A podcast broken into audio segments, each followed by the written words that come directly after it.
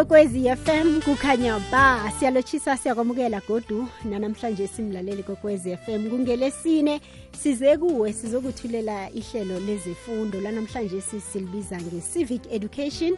Siyakuthokoza-ke ukukuthola ubeka indlebe nawe usanda ukuvulela njenganje umhatsho lo awukachaphi mbala ikwekwezi FM kukhanya ba mina ibizo lami ngingithokozane induli unamgwezani ihlelo lethu kusuka njengenje kuzabe kubethe isimbi yechumi lihleleke kuhle khulu kwamambala mlaleli kazi umvezi walo leli hlelo. Kwelapha-ke upet kabini uhlalithwa. Kazi-ke lona-ke ulethelwa zimfisela buhle zakwa-gpf ngephiko le-sabc education sithi enriching minds enriching lives. Kaningi-ke mlaleli kokwezi FM kuthiwa-ke ukungatsheji kuyabiza.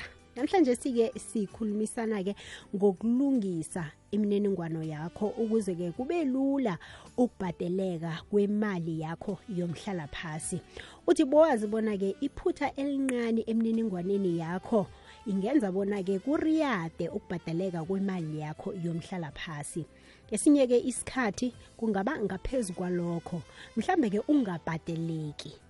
Ukuthola ilwazi elingeneleleko ngesihloko sethu sanamhlanje simlalele kwekwezi FM sikhona isithekeli sethu esivela kwa-GPF kazi yena umthindanisi omkhulu wamaklayenti ngikhuluma ngayela-ke eh ubaba ukfas silolo. Kanti-ke mlalele kokwezi FM ngokuhamba kwesikhathi nawe sizokunikela ithuba lokuthi ube nombuzo ngokuthi usidosele umtato. Inomboro yomtato ithi 011 714 37 31 011 714 3410 011 714 3470 naku-011 714 3630 khumbula-ke godu ungasebenzisa ne-whatsapp ugadangise iphimbo lakho.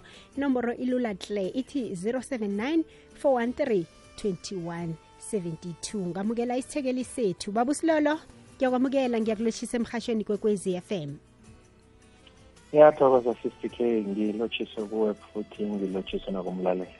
Aha-ke nathi sithokoza khulu kwamambala ukuthatha isikhathi sakho uzoba nathi usiphe ihlathululo ngesihloko sethu sanamhlanje. La sikhuluma khona ngokulungisa imininingwano yakho. Um babusilolo abantu-ke abathotha umhlala phasi nanyana abathola umhlala phasi namalunga we-gpf bangalungisa kuphi imininingwano yabo khona kwa-gpf yebo sithi k um umuntu uma mhlambe sathatha umhlala phansi noma seseyilunga elisagcwele ka-GPF uyakhona sithi k ukulungisa imininingwane yakhe noma angafikanga lapha ema-ofisini ethu uyakhona ukuthi mhlawumbe makalitholile leli form silibiza ngokuthi i-z eight six four uyakhona ukuligcwalisa leli form sister k abese uyalithumela ema-ofisini ethu bese siyalungisela le mininingwane. Lokuhle futhi okunye ukuthi eh sinayo i-self service app i-GEPF self service app. La umuntu angakhona ukuthi arejistare kule app. Makarejistarile khona futhi kule app leyo uyakhona ukuthi mhlawumbe alungise imininingwane yakhe ngale app yethu elesho iyazwakala. Kanti-ke imininingwane ingalungiswa ngemva kwesikhathi esingangani babusilolo eh sisike kuqakatheke kakhulu ukuthi umuntu ulungise imininingwane isikhathi sonke.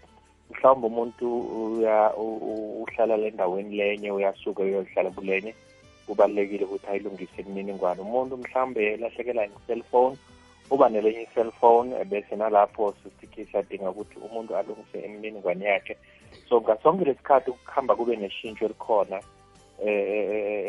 emininingwaneni yelunga laka-GEPF siyabawa ukuthi umuntu aqale alungise le mininingwane. Makuthole nje ukuthi likhona lishintsho liba khona ukhulume ngeforomo i-z864 ingahani ngiyo i-nomination form? Cha i-z864 ihlukile. Leli forum njaka-z864 ngile sibiza ukuthi updating of personal particulars. La sikhuluma khona ngama-address sikhuluma khona ngama-cellphone sikhuluma khona ngamabizo la mhlawumbe akuhambe ashintsha. Yilo leli form lele ukuthi umuntu angaligcwalisa mhlawumbe umuntu uyachata yilo leli form le angaligcwalisa ukuthi ngisengithadile ngisengishintshile nesibongo mhlawumbe.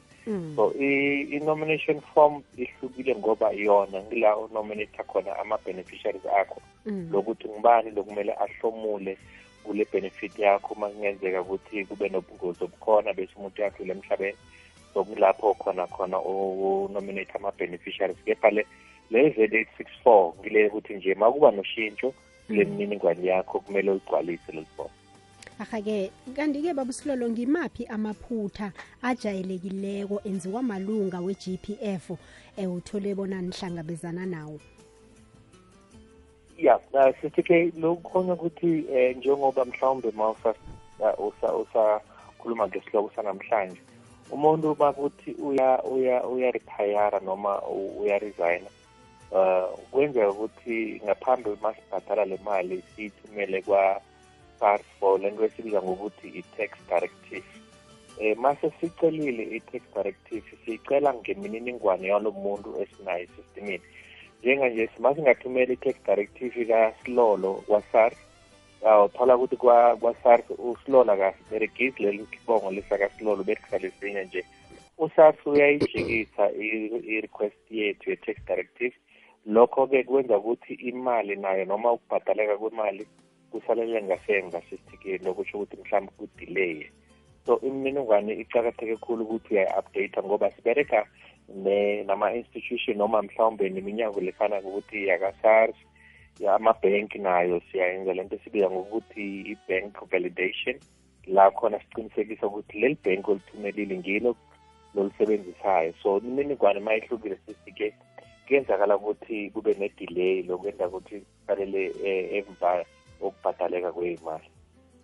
Aha-ke iyazwakala baba usilolo kanti-ke ngubani onegunya lokuzalisa nanyana-ke ukugqwalisa begodi alithumele iforomeli kodwa nangaphambi bona uphendula umbuzo wami baba usilolo ngiba wakhe siyokusela amanzi siza kubuya godi sihlabele phambili. Aha-ke ufuna ukwazi ngokunabileko nge-gepf begodu netshisakalo yokwazi ngcono ngenzuzo yesikhwama semali nekambiso yokwenza isibawo. Ukwazi ngokunabileko ngenzuzo enikelwa labo abahlala bamalunga kufikela emnyakeni womhlalaphasi. Bewudosa ukwenza isibawo ngempumelelo begodu ufuna ukwazi ezinye indlela ongazisebenzisa. I-gepf ibambisene ne-sabc ukunilethela ilwazi elimayelana nenzuzo engakabhadelwa. Ipentshini yabantwana ipentshini yomlingani ukungezeleleka kwepentshini yomnyaka nobujamo bezemali zesikhwama. Lokhu ngokunye hlangana nelwazi eliningi elimayelana ne-gepf lalela umdlalo womrhatsho owuthandako kukwekwezi fm ukufunda ngokunabileko. I-gepf ibambisene ne-sabc ukusiza ngokufundisa nokwazisa abalaleli. Amalunga athethe umhlalaphasi nabazuzako enzuzweni ekhona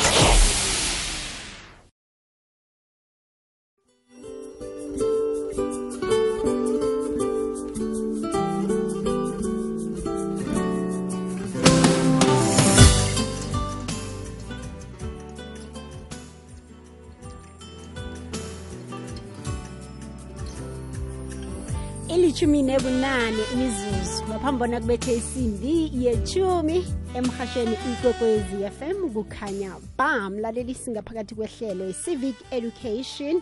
Namhlanje sike sikhulumisa indaba yokulungisa imininingwano yakho eh, ukuze-ke kube lula ukubhadeleka kwemali yakho yomhlala phasi-ke ukhumbule ukuthi-ke eh kwesinye isikhathi uzithola utshentshe i-adresi nanyana utshentshe isibongo. Lokho-ke kuyafuneka bona-ke ubuyele kwa-gpf njengelunga lakwa-gpf bakwazi-ke uku-updata leyo mininingwana yakho. Khona ubaba usilolo ngisaragela phambili naye mlaleli usipha ihlathululo yoke ngesihloko sethu sanamhlanje kanti-ke nawe siyakuvulela-ke njenganje bona usidosele umtato ku-011 714 3731 714 3410 714 3470 7143630 kanti-ke kuwhatsapp ugadangisa iphimbo lakho ku-079 413 2172 baba silolo um bengiba ungiphendulele umbuzo wami engikubuze wona ngaphambi bona siyokugunyamathe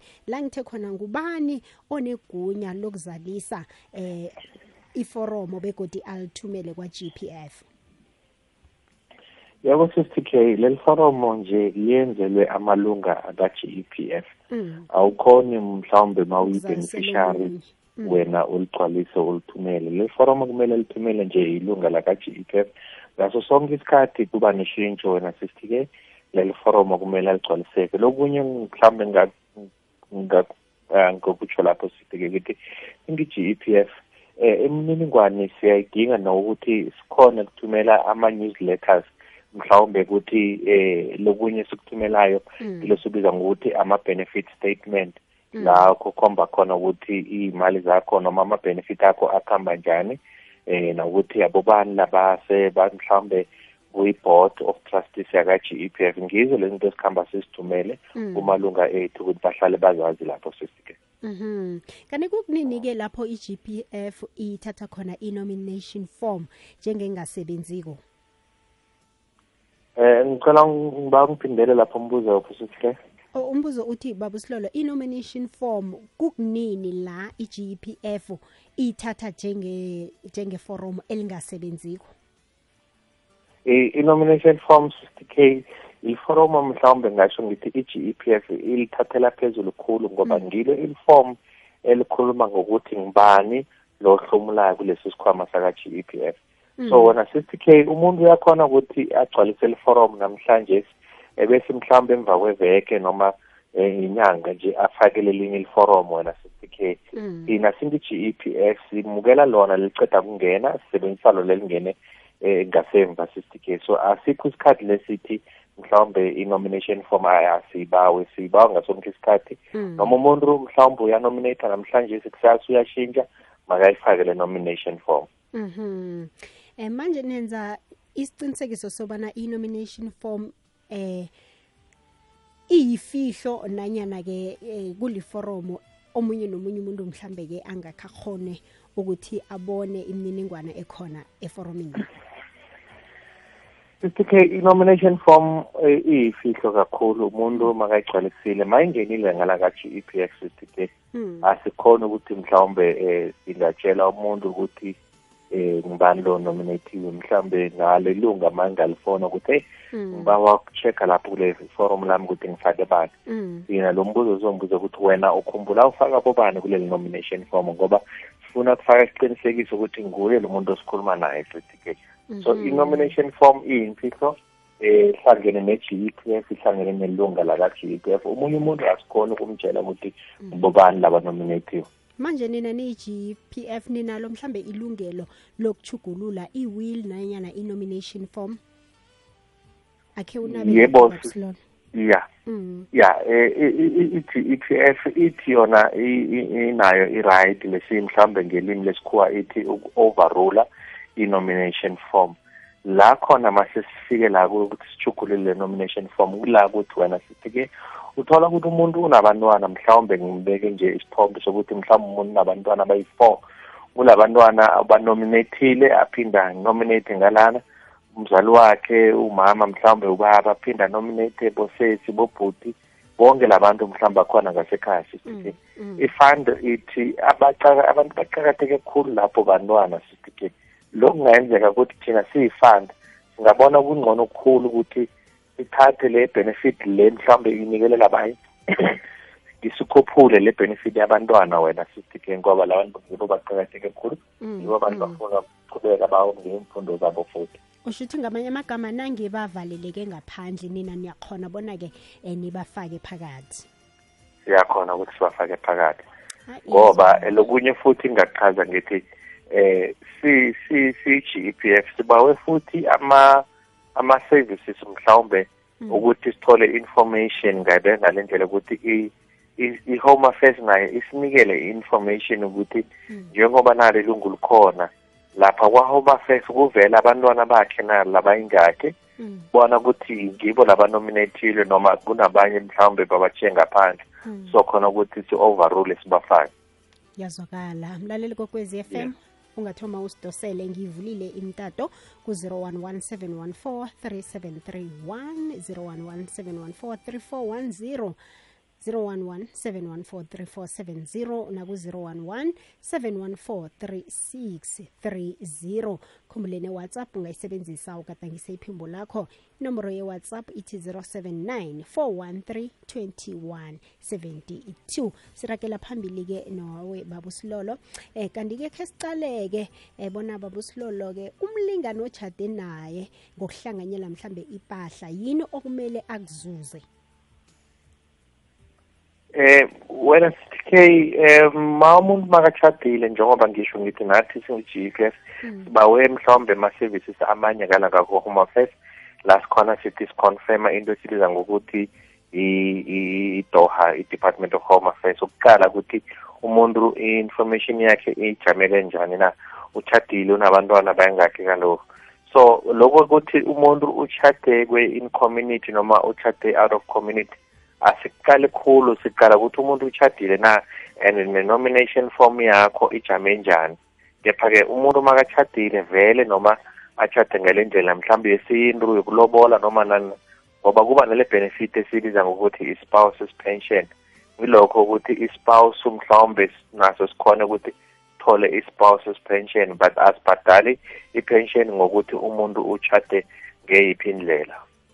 Ahake iyazwakala babusilolo bengiba wasogunyamathe godu sizobuya sihlabele phambili.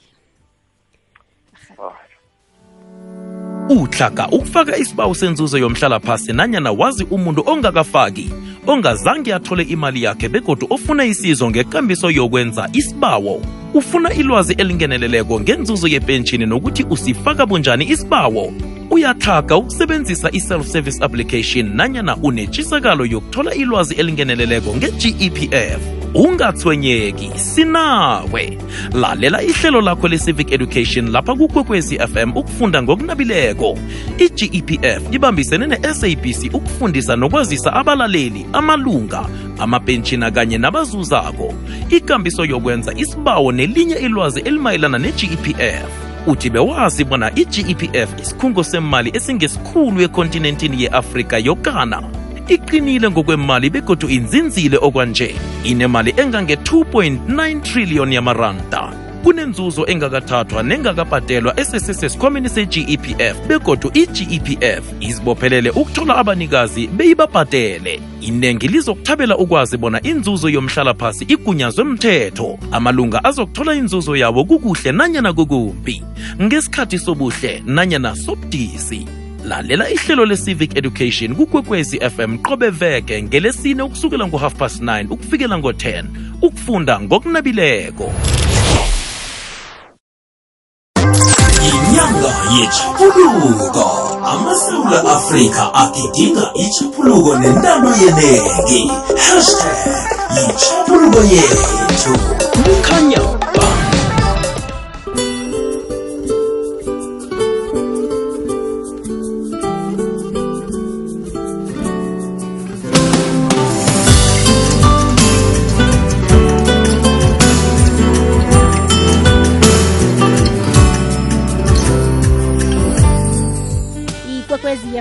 kukhanya ba. Sisalelwe imzuzu elikhomba bona silisonge ihlelo lethu mlalele kwekwezi fm khumbule ukuthi-ke ngesimbi yechumi milo love ukhona uragela phambili nehlelo. Sizigedlile bekubethe isimbi yechumi nambili. Njenganje usahleli nami utk thokozani nduli unamgwezani ngaphakathi kwehlelo le-civic education. La ngikhambisana khona nesithekeli sethu esivela kwa-gpf ngikhuluma ngaye la ukfas silolo sikhuluma namhlanje simlaleli kokwezi fm ngokulungisa imininingwane yakho ukuze kube lula-ke ukubhadeleka kwemali yakho yomhlalaphasi babusilolo asiragele phambili-ke. Khe sicale-ke eh bona-ke ingakhani mhlambe ukubhadalwa komthelo? Khona-ke kuqakatheke kangangani? Eh sisithe ubhala ukhuluma ngoni ngokubuza ngokubhadala umthelo iye. Yebo sisithe ukhumbule ukuthi umuntu makabereka eh lesibiza ngokuthi i-SARS iba nalento esibiza ngokuthi i- i-tax eh, table noma i-tax threshold ukuthi umuntu makabereka makahola le mali enjesi kumele bamdosele imali enjesi so ukuqakatheke khulu noma masowuphuma sesitk lokuthi umuntu ubhadala umthelo enye into ukuthi lesizoyidinga ukuthi noma sowuphu- uphumile Mm. siyayithumela futhi imali yakho ka-SARS um ngale namba yakho yomthelo siyona sesitike ukuthi basicalele ukuthi imthelo wakho ukuhamba kuhle na makuthi khona le mali mhlawumbe wena uyayikweleta ngala kwa-SARS Mm. um- u-SARS uzoyithatha khona kule mali yakho yempension so umuntu nje nje simakasebenza aqale ngala kwa-SARS ukuthi into zakhe zomthelo zikhamba kuhle na? Nokuthi akungayikho imali mhlawumbe isalele ngasemva iya kwa-SARS ngoba kuzenzeka ukuthi u-SARS athathe imali leyo kuleyo kule yona le pension ekumele umuntu ayithole Mhm.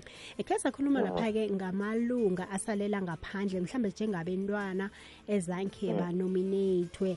Kanti ke babusilolo ngifuna ukwazi ukuthi kwenzakalani eh ngemali nangabe loyo olilunga le-GPF eh u- uhlongakele eh, begodi akanabantwana nanyana ke eh, inini zakhe mhlambe ke akunamuntu owaziko ngenhlobo zakhe. Kwenzakalani ngemali le?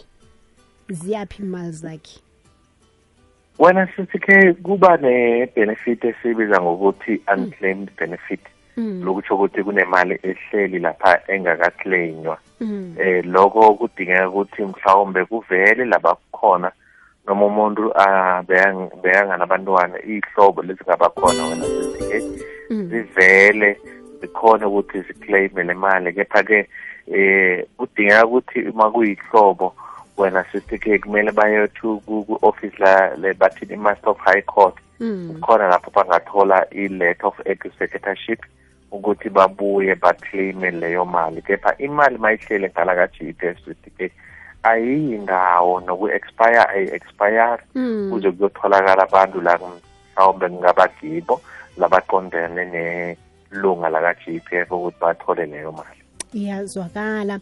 Eh kukhombisa ngathi banengi ke abantu abangakaclaim imali zabo babusilolo ngoba khe sakhuluma ngayo i-unclaimed benefit.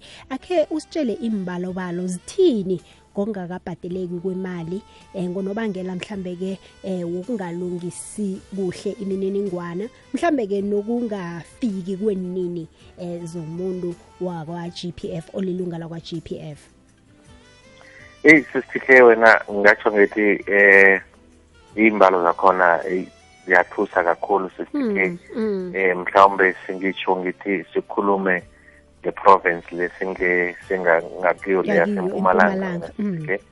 ukuthi eh ngaqala ngesikhathi leso sasemva botholakala ukuthi kunemali mhlawumbe ingaze ifike ku-14 million le bengakaclainywa wena 60 k.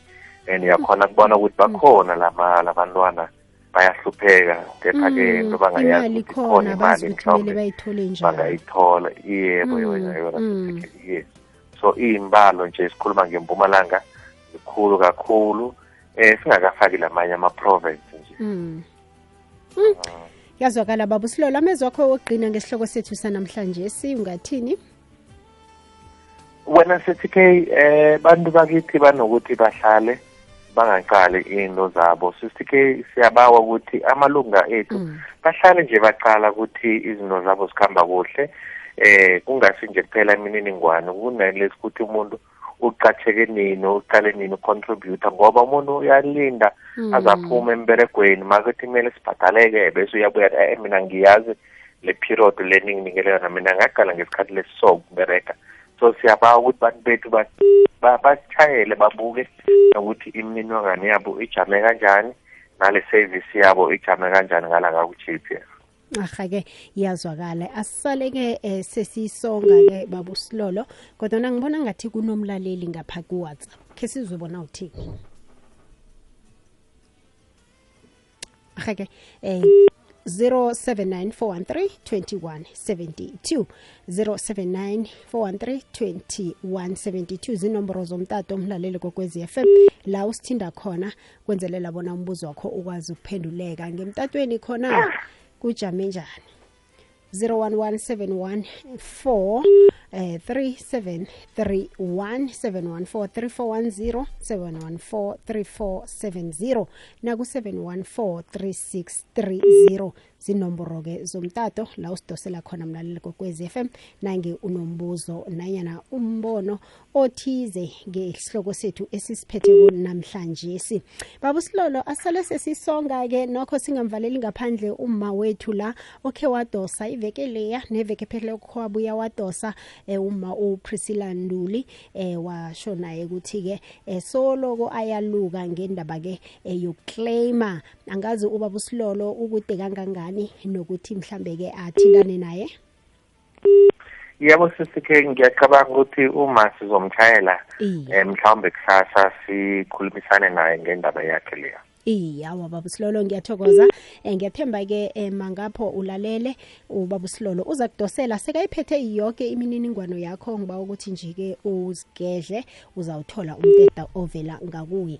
Asisongeke baba silolo nitholakala kuphi konje njenge GPF yebo uh, abantu bangasitshayela wena sisike inomboro yethu ithi zero eight zero zero one one seven six six nine zero eight zero zero one one seven six six nine noma abantu bangasibhalela na-email email. Yethu ithi in- in- inquiries at gepf co za inquiries at gepf co za. Ahake baba silolo sithokoze khulu kwamambala ehlathululo yoke osiphe yona sahlangana kodwa iveke zakho thokoza sesitike ahake mlaleli kokwezi FM kubaba uKefas Silolo umthinaniso omkhulu wamaklayenti kuregion yeMpumalanga nokusithekeli sethu sanamhlanje sisivela kwa GPF khumbula ke iGPF inama regional client service center kizo zolithoba imfunda zeSouth Africa pha kanye nama satellite office alikhomba enzelwe indingo zakho mlaleli.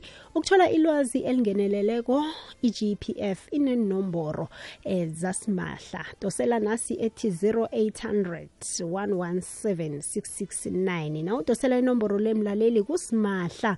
Kenye nenye ke ifoni yetelcom ungathumela ke i-email ku-inquiries at gpf co za. Nanyana uvakatshele i-gpf website yabo ethi yona www gpf co za. Kanti-ke netwitter banayo. Itwitter handle yabo ithi yona at gpf underscore sa hlelo le-civic education ulethelwa zimfisela buhle ze-sabc education nesikhozi sayo ne-government employee pension fund ikwekwezi fm kukhanya ba. Ihlelweli bewulethelwa zimfisela buhle yi-gepf ipentsheni yabasebenzi bombuso ne-sabc education ngokubambisana nekwekwezi fm